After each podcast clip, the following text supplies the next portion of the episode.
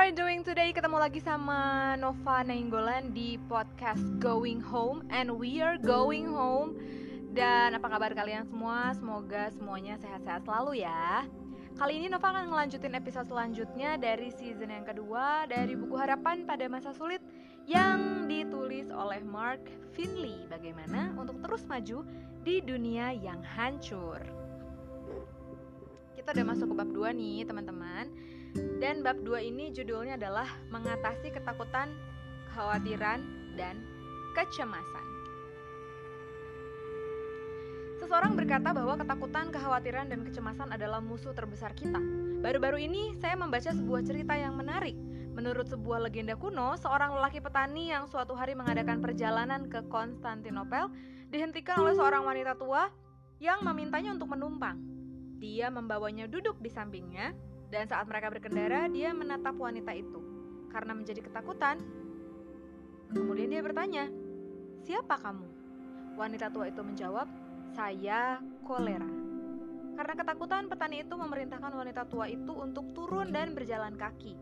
Tetapi wanita itu membujuknya untuk tetap membawanya atas janjinya bahwa wanita itu tidak akan membunuh lebih dari lima orang di Konstantinopel.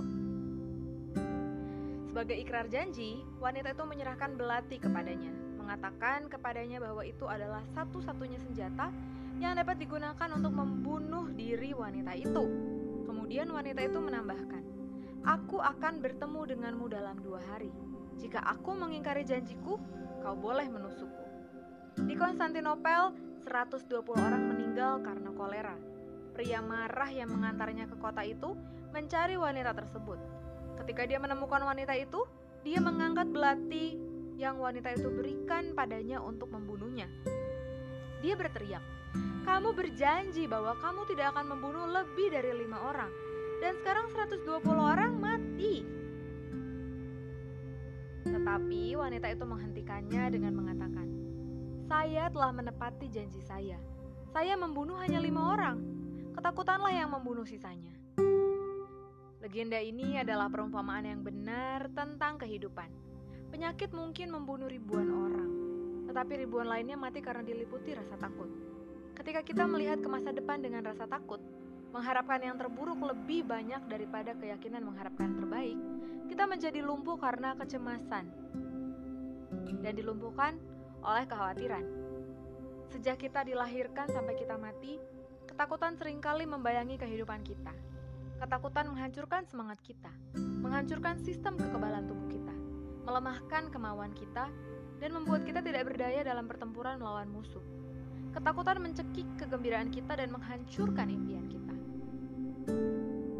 Ketakutan adalah emosi yang kuat, yang terkait erat dengan kecemasan dan kekhawatiran. Ini sering terjadi sebagai akibat dari beberapa ancaman, situasi, atau bahaya yang tampaknya tidak dapat dihindari. Satu hal yang kita pelajari dari COVID-19 adalah bagaimana tiba-tiba pandemi ini dapat menimbulkan ketakutan di hati seluruh bangsa. Orang-orang menjadi takut kepada setiap orang yang mereka temui, mungkin membawa virus corona dan menginfeksi mereka. Setiap batuk menimbulkan kecemasan bahwa mereka mungkin terkena virus. Setiap kali mereka bersin, jantung mereka berdetak lebih kencang. Mereka terus-menerus bertanya pada diri sendiri, "Apakah saya terkena virus?" Dan jika iya, apakah itu hukuman mati saya? Berurusan dengan ketakutan. Apakah yang bisa membebaskan kita dari ketakutan terburuk kita? Atau mungkin lebih akurat untuk mengatakan siapakah yang bisa membebaskan kita dari ketakutan itu? Kitab suci kuno dipenuhi dengan lebih dari 3000 janji kasih dan perhatian Tuhan. Banyak janji Alkitab yang secara khusus menguatkan hati pada saat kritis. Berpegang teguh pada janji-janji Tuhan, kita dipenuhi dengan harapan saat menghadapi bencana. Kita menghadapi bencana dengan keyakinan di dalam Kristus yang berdiri di sisi kita. Kita memiliki jaminan dari Dia yang berkata, "Aku sekali-kali tidak akan membiarkan engkau dan aku sekali-kali tidak akan meninggalkan engkau." Ibrani 13 ayat 5. Salah satu cerita besar Alkitab tentang mengatasi rasa takut terjadi dalam sebuah cerita yang sering terlupakan yang tersimpan di perjanjian lama Alkitab. Raja Syria telah mengepung kota Dotan, Israel. Maksud raja adalah untuk menangkap Elisa, setiap kali Raja Syria melakukan tindakan pertempuran, Nabi Elisa telah memperingatkan kapten pasukan Israel. Raja Syria sangat marah. Satu-satunya cara dia bisa memenangkan pertempuran adalah dengan menangkap dan membunuh Elisa. Dia membawa semua kekuatan di pasukan yang perkasa untuk mengepung kota sehingga pelarian tidak mungkin dilakukan. Ketika hamba Elisa bangun pagi-pagi sekali dan melihat kota itu dikelilingi oleh pasukan musuh dengan ratusan kuda dan kereta, dia dihantui oleh ketakutan. Kekhawatiran memenuhi hatinya. Kematian sepertinya tidak terhindarkan. Dengan gemetar ketakutan, dia mendatangi Elisa. Dia begitu khawatir sehingga sulit untuk berbicara. Tetapi akhirnya kata-katanya keluar. Celaka tuanku, apa yang akan kita perbuat? 2 Raja-Raja 6 ayat 15 Jawaban Elisa cukup klasik. Jawaban ini memberikan prinsip yang mengubah hidup bagi semua orang yang dicekam oleh rasa takut. Jawaban ini memberi kenyamanan bagi mereka yang diliputi oleh kekhawatiran dan kecemasan. Elisa hanya berkata, Jangan takut, sebab lebih banyak yang menyertai kita daripada yang menyertai mereka. Ayat 16 Meskipun situasi yang hampir mustahil, Tuhan masih memegang kendali. Dia masih di tahtanya. Dia memiliki solusi di mana tampaknya tidak ada solusi. Dia bisa membuat jalan di mana sepertinya tidak ada jalan. Elia berdoa agar hambanya yang masih muda itu melihat apa yang dilihatnya. Bala tentara surga yang mengelilingi mereka, melindungi mereka, dan akhirnya membebaskan mereka. Secara ajaib Tuhan menyerang tentara Syria dengan kebutaan, dan Elisa serta hambanya melarikan diri. Tuhan memiliki seribu cara untuk membebaskan kita dari ketakutan terburuk kita. Jika mata kita terfokus pada masalah, ketakutan akan menguasai kita. Jika mata kita tertuju pada Yesus, emosi ketakutan mungkin masih ada, tapi itu tidak akan melumpuhkan kita. Rasa takut tidak lagi mendominasi hidup kita. Jawaban kepada rasa takut yang melumpuhkan bukanlah bahwa kita tidak akan pernah merasa takut, melainkan bahwa kita memiliki seorang bersama kita dalam ketakutan kita. Memperkuat kita untuk terus maju, tidak peduli bagaimana perasaan kita.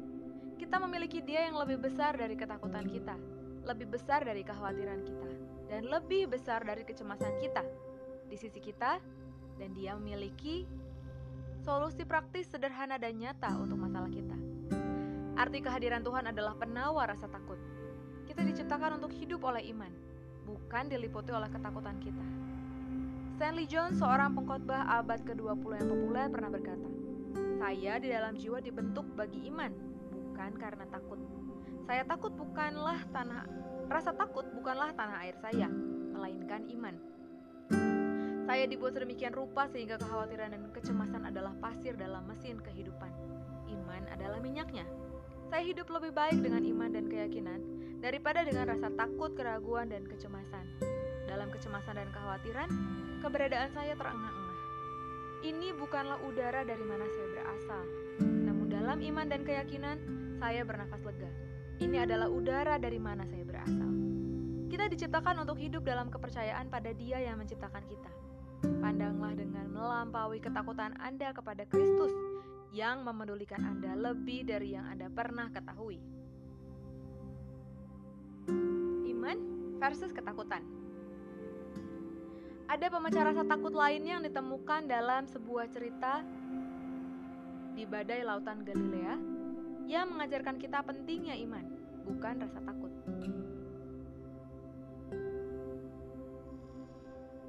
Laut Galilea memiliki panjang sekitar 13 mil dan lebar 8 mil.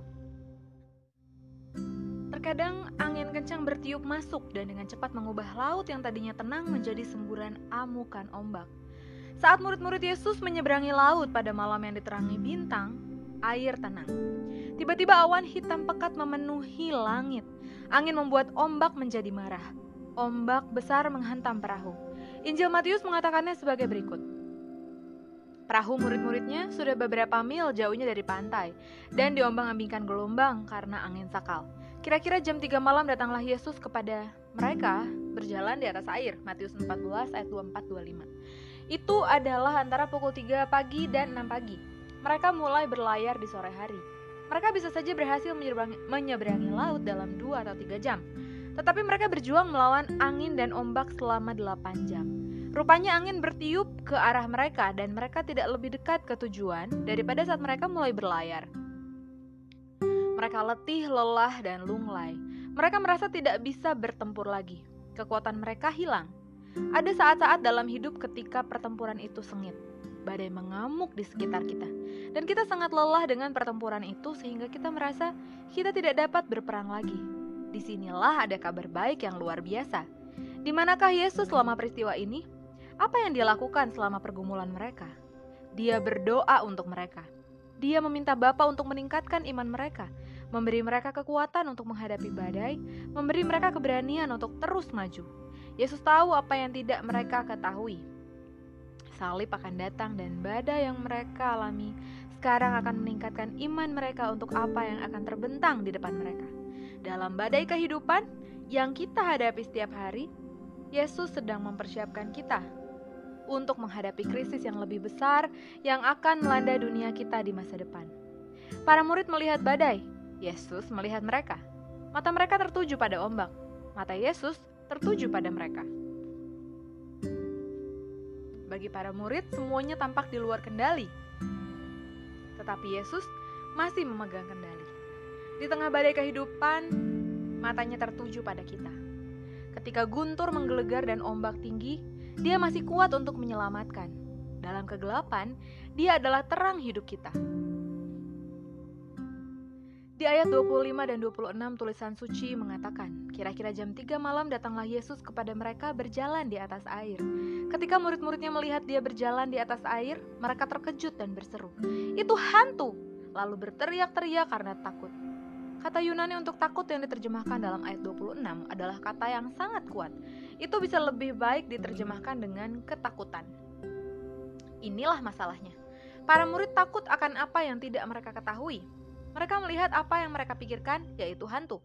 Kepercayaan pada roh jahat adalah hal biasa di Palestina pada abad pertama. Gagasan tentang hantu, goblin, dan ilusinya tersebar luas. Murid-murid ini telah menghabiskan waktu bertahun-tahun bersama Yesus. Tetapi ketika badai terjadi, ketakutan menguasai proses berpikir rasional mereka. Hal yang belum diketahui sering kali menimbulkan ketakutan, dan masalahnya adalah terkadang ketakutan terburuk kita menjadi kenyataan. Ada yang berkata, "Jangan khawatir, semuanya akan baik-baik saja." Tapi Anda dan saya tahu bahwa semuanya mungkin tidak selalu menjadi seperti yang kita inginkan. Jadi kita memainkan permainan yang disebut bagaimana jika. Bagaimana jika saya menderita kanker? Bagaimana saya akan menanganinya jika dokter memberitahu saya bahwa saya harus segera memulai perawatan? Suami saya tidak ada di rumah untuk makan malam pada pukul 17 dan saat itu pukul 19 dan dia belum menelpon. Bagaimana jika dia mengalami kecelakaan? Perusahaan saya melakukan pemotongan pendapatan besar-besaran. Bagaimana jika saya kehilangan pekerjaan dan tidak dapat membayar tagihan saya? Putra remaja saya sedang dalam perjalanan berkemah. Sudah tiga hari dan dia belum menelpon. Bagaimana jika dia tersesat di pegunungan? Pertanyaan bagaimana jika harus memberi jalan kepada suara Kristus yang menyatakan di tengah amukan laut, angin yang bertiup, dan kegelapan yang luar biasa, yaitu, Tenanglah, aku ini jangan takut. Ayat 27. Apakah Anda pernah menghitung berapa kali Yesus berkata tenanglah di seluruh Injil? Yesus menggunakan ungkapan tenanglah dan jangan takut berulang kali. Yesus adalah jawaban atas ketakutan luar biasa yang menghabiskan energi kita, merampas sukacita kita, dan merusak kesehatan kita. Ketakutan harus digantikan oleh iman saat kita menyesuaikan fokus kita. Ketakutan adalah emosi. Kita tidak bisa serta-merta mengendalikan emosi kita. Emosi datang dan pergi, emosi sering tiba-tiba menyapu kita Iman adalah sikap. Iman adalah percaya kepada Tuhan sebagai sahabat karib dengan mempercayai bahwa Dia mengasihi kita dan tidak akan pernah menyakiti kita. Izinkan saya memberikan ilustrasi yang sangat pribadi mengenai kepercayaan. Saat itu adalah perlu bagi saya mendapatkan perawatan medis untuk kondisi tertentu yang saya hadapi. Salah satu perawatan yang direkomendasikan oleh tim medis saya adalah oksigen hiperbarik. Ini mengharuskan saya ditempatkan di ruang oksigen hiperbarik selama sekitar 2 jam per hari untuk 35 hingga 40 perawatan. Ketika pemilik klinik menjelaskan pengobatannya kepada saya, dia berkata bahwa masalah yang dialami banyak orang saat masuk ruangan ini bukanlah klaustrofobia, melainkan kepercayaan. Setelah Anda ditempatkan di dalam ruangan, tidak mungkin Anda bisa keluar sendirian. Anda harus memiliki keyakinan mutlak bahwa operator ruangan akan mengeluarkan Anda setelah perawatan Anda selesai. Jika Anda mempercayai operator tersebut, Anda akan baik-baik saja. Ketika saya masuki ruang oksigen hiperbarik itu, saya menaruh kepercayaan pada teknisi medis tersebut. Saya tidak takut karena saya percaya pada orang yang mengoperasikan mesin itu. Saya yakin orang yang bertanggung jawab tahu apa yang dia lakukan. Saat kita memasuki pengalaman untuk mencoba sesuatu, saat ketakutan muncul, saat kecemasan mengancam sukacita kita, kita dapat memiliki kepercayaan mutlak di dalam Kristus. Dialah yang bertanggung jawab dan dia tahu apa yang dia lakukan.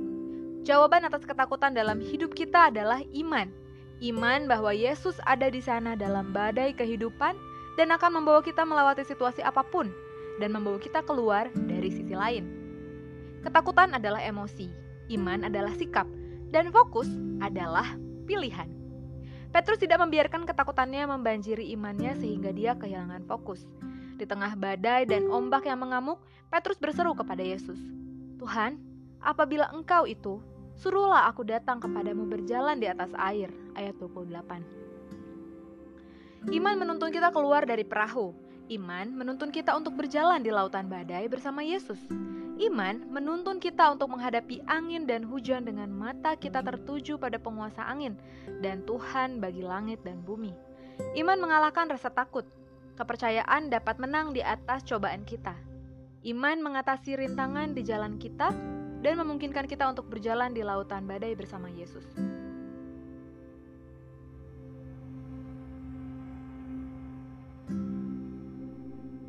Yesus menjawab permintaan Petrus dengan satu kata, Datanglah, ayat 29. Yesus tidak pernah berkata, pergi sana. Yesus tidak pernah berkata, kamu harus hadapi sendiri. Yesus tidak pernah berkata, itu masalahmu, bukan masalahku. Yesus tidak pernah berkata, berhentilah menggangguku dengan hal itu. Aku punya cukup banyak masalah besar untuk ditangani di dunia ini. Yesus berkata, datanglah, keluarlah dari perahu itu. Datanglah dengan iman dan berjalanlah di atas air. Ayo datang, lenganku kuat. Anda tidak akan tenggelam. Petrus menanggapi undangan Yesus dan keluar dari perahu. Dia memberanikan diri keluar ke tempat yang tidak diketahui bersama Kristus. Dia menjatuhkan dirinya sendiri ke dalam rahang kematian. Di hadapan angin yang menggelora, Petrus tidak membiarkan ketakutannya melumpuhkannya. Apakah ketakutan terbesar Anda? Apakah yang paling Anda khawatirkan? Kristus lebih besar dari ketakutan kita. Dia lebih besar dari keraguan kita. Dia lebih besar dari pertanyaan kita. Dia mengundang kita untuk datang kepadanya di lautan badai kehidupan. Ketika Petrus terus menatap Yesus, dia berjalan di atas air. Tetapi sesuatu terjadi padanya yang sering terjadi pada kita dalam badai kehidupan. Petrus kehilangan fokus. Ayat 30 menambahkan, tetapi ketika dirasanya tiupan angin, takutlah ia. Ketika Petrus terus menatap Kristus dan mempercayai firman-Nya, dia dapat berjalan di atas air. Ketika dia fokus pada ombak dan situasi berbahaya yang dihadapi, dia tenggelam. Apakah kita melihat kesulitan kita dari perspektif duniawi dengan akal dan kelemahan manusiawi kita, atau kita melihat melalui mata iman pada janji-janji Tuhan? Ketika kita dikuasai oleh rasa takut, kita tenggelam, dan tenggelamnya jiwa kita adalah hasil dari tenggelamnya iman kita. Kita takut saat kita lupa, Ketika Petrus mulai tenggelam di bawah badai laut, hanya ada satu hal yang menyelamatkannya. Itu bukan keahliannya sebagai nelayan berpengalaman. Itu bukanlah pengetahuannya tentang Laut Galilea. Bukanlah kebijaksanaannya dalam memecahkan masalah. Bukanlah kemampuannya untuk berenang kembali ke perahu. Saat Petrus mulai tenggelam, dia berteriak, Tuhan, tolonglah aku. Ayat 30. Matius seorang saksi mata dan dari mujizat. Matius adalah saksi mata dari keajaiban ini. Dia menulis dari pengalamannya langsung. Matius sedang berada di perahu menyaksikan seluruh adegan itu terjadi. Dia menulis, segera Yesus mengulurkan tangannya, memegang dia dan berkata, Hai orang yang kurang percaya, mengapa engkau bimbang? Matius 14 ayat 31. Ketika Petrus berteriak, Yesus segera menjawab. Yesus ada di sana dalam badai kehidupan. Dia ada di sana saat ombak tinggi dan malam gelap. Apakah Anda menyadari di bagian ini ada dua teriakan? Teriakan ketakutan dan teriakan iman. Ketika para murid melihat apa yang mereka yakini sebagai penampakan hantu, menurut ayat 26 mereka berteriak ketakutan. Ketika Petrus tenggelam dalam ombak, dia berteriak dengan iman. Kita dapat memiliki keyakinan mutlak bahwa Yesus tidak pernah berpaling dari mereka yang berseru dalam iman. Tangannya kuat untuk menopang kita. Daud menggambarkan hal itu dengan indah dalam Mazmur. Sekarang aku tahu bahwa Tuhan memberi kemenangan kepada orang yang diurapinya. Dengan kemenangan yang gilang gemilang oleh tangan kanannya, Mazmur 20 ayat 7. Kita aman di tangan Yesus. Sekarang, perhatikan apa yang Yesus tidak katakan kepada Petrus. Dia tidak berkata, Petrus, di manakah imanmu? Atau, Petrus, Anda tidak memiliki iman. Dia berkata, Hai orang yang kurang percaya. Matius 14 ayat 31. Sedikit iman lebih baik daripada tidak ada iman. Itu mengingatkan saya pada pertanyaan Yesus dalam maksud saya pernyataan Yesus dalam Matius 17 ayat 20. Sesungguhnya sekiranya kamu mempunyai iman sebesar biji sesawi saja, kamu dapat berkata kepada gunung ini, gunung kesulitan, gunung masalah, gunung kekacauan, pindah. Maka gunung ini akan pindah. Ketika kita mempraktekkan sedikit iman yang kita miliki, iman kita itu dalam kuasa Kristus yang membawa kita melewati badai kehidupan akan bertumbuh menjadi kekuatan yang kuat, yang memungkinkan kita untuk berjalan di atas lautan badai tantangan hidup. Perhatikanlah hal ini. Petrus memiliki cukup iman untuk keluar dari perahu, tapi tidak cukup iman untuk melewati badai.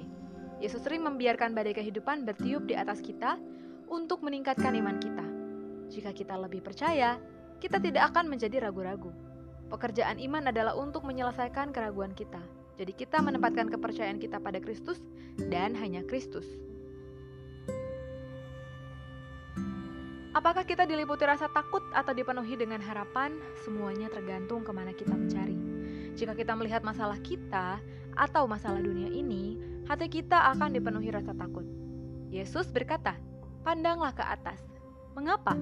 Ketika kita melihat ke tempat yang kudus surga, kita melihat Yesus dan akan menemukan kekuatan dalam janji-janjinya. Di dalam Kristus kita menemukan keyakinan. Di dalam Kristus kita mengalami kepastian. Di dalam Kristus kita diangkat di atas ketidakpastian dan kekhawatiran hidup. Dan hati kita dipenuhi dengan rasa aman. Di dalam dia yang mengasihi kita dengan kasih kekal, abadi, tidak terduga, tanpa lelah, tanpa akhir. Mempercayai janji Tuhan. Alkitab mengatakan, jangan takut berulang kali. Meskipun saya secara pribadi belum menghitung berapa kali Alkitab menggunakan ungkapan ini, seorang penulis telah menghitung 365 kali bahwa jangan takut atau ungkapan serupa digunakan di seluruh Alkitab, yaitu berarti satu untuk setiap hari sepanjang tahun. Tuhan mengatur seluruh tahun kalender.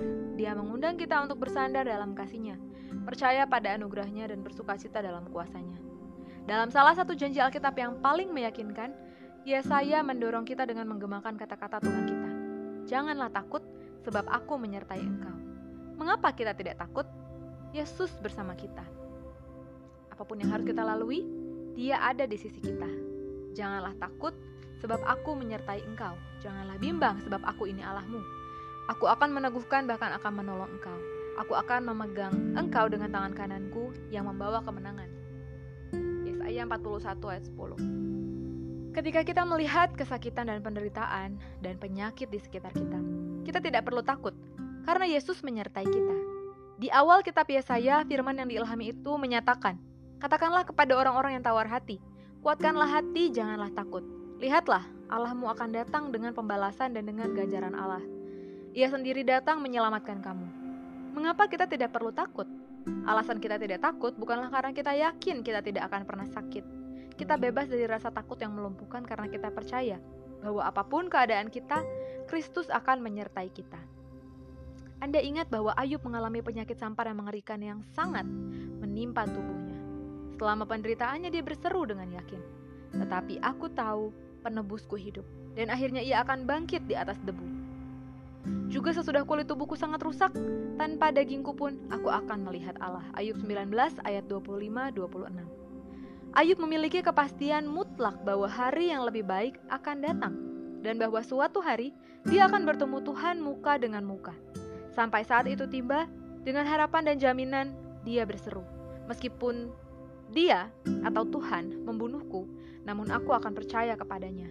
Ayub 13 ayat 15 Ayub menjalani kehidupan yang penuh percaya kepada Tuhan yang berjanji bahwa akan bersamanya setiap saat sepanjang hari dan yang berjanji kepadanya bahwa hari esok yang lebih baik akan datang. Bahkan jika kita sedang mengidap penyakit yang mengancam jiwa, iman kita tetap berpegang pada janjinya bahwa suatu hari Yesus akan datang kembali untuk membawa kita pulang. Seperti Ayub, kita percaya bahwa suatu hari kita akan bertemu dia muka dengan muka. Yesus mengucapkan kata-kata yang meyakinkan ini kepada kita.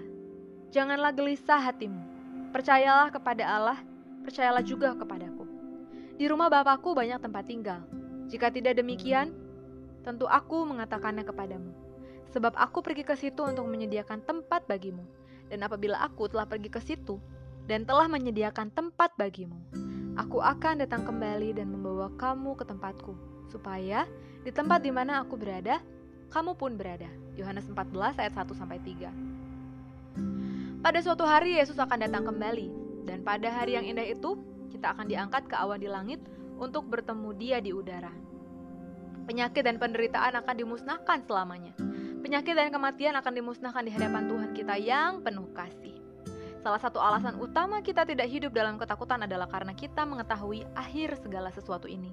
Kita tahu bahwa penyakit tidak akan memiliki kata terakhir, namun Kristus memilikinya. Kita tahu virus corona atau virus lainnya, bencana alam, malapetaka, atau perang nuklir, nuklir tidak akan menghancurkan semua kehidupan di planet bumi. Kita memiliki janji kedatangan Yesus kembali. Kita melihat kelaparan, kita melihat gempa bumi, kita melihat kesulitan negara, kita melihat munculnya perang nuklir, kita melihat potensi bencana nuklir, kita melihat perubahan iklim, kita melihat penyakit sampar merenggut nyawa ribuan orang. Kita melihat hal-hal ini, tetapi kita memiliki harapan yang memungkinkan kita untuk terus maju di masa-masa sulit kehidupan. Ada rasa percaya diri yang membawa kita melalui hal-hal ini karena kita telah membaca pasal-pasal terakhir dari Alkitab. Kita tahu bagaimana ceritanya berakhir. Dalam Wahyu 21 ayat 4 dan 5, Yohanes menulis, dan ia akan menghapus segala air mata dari mata mereka, dan maut tidak akan ada lagi. Tidak akan ada lagi perkabungan atau ratap tangis atau duka cita, sebab segala sesuatu yang lama itu telah berlalu. Ia yang duduk di atas tata itu berkata, Lihatlah, Aku menjadikan segala sesuatu baru.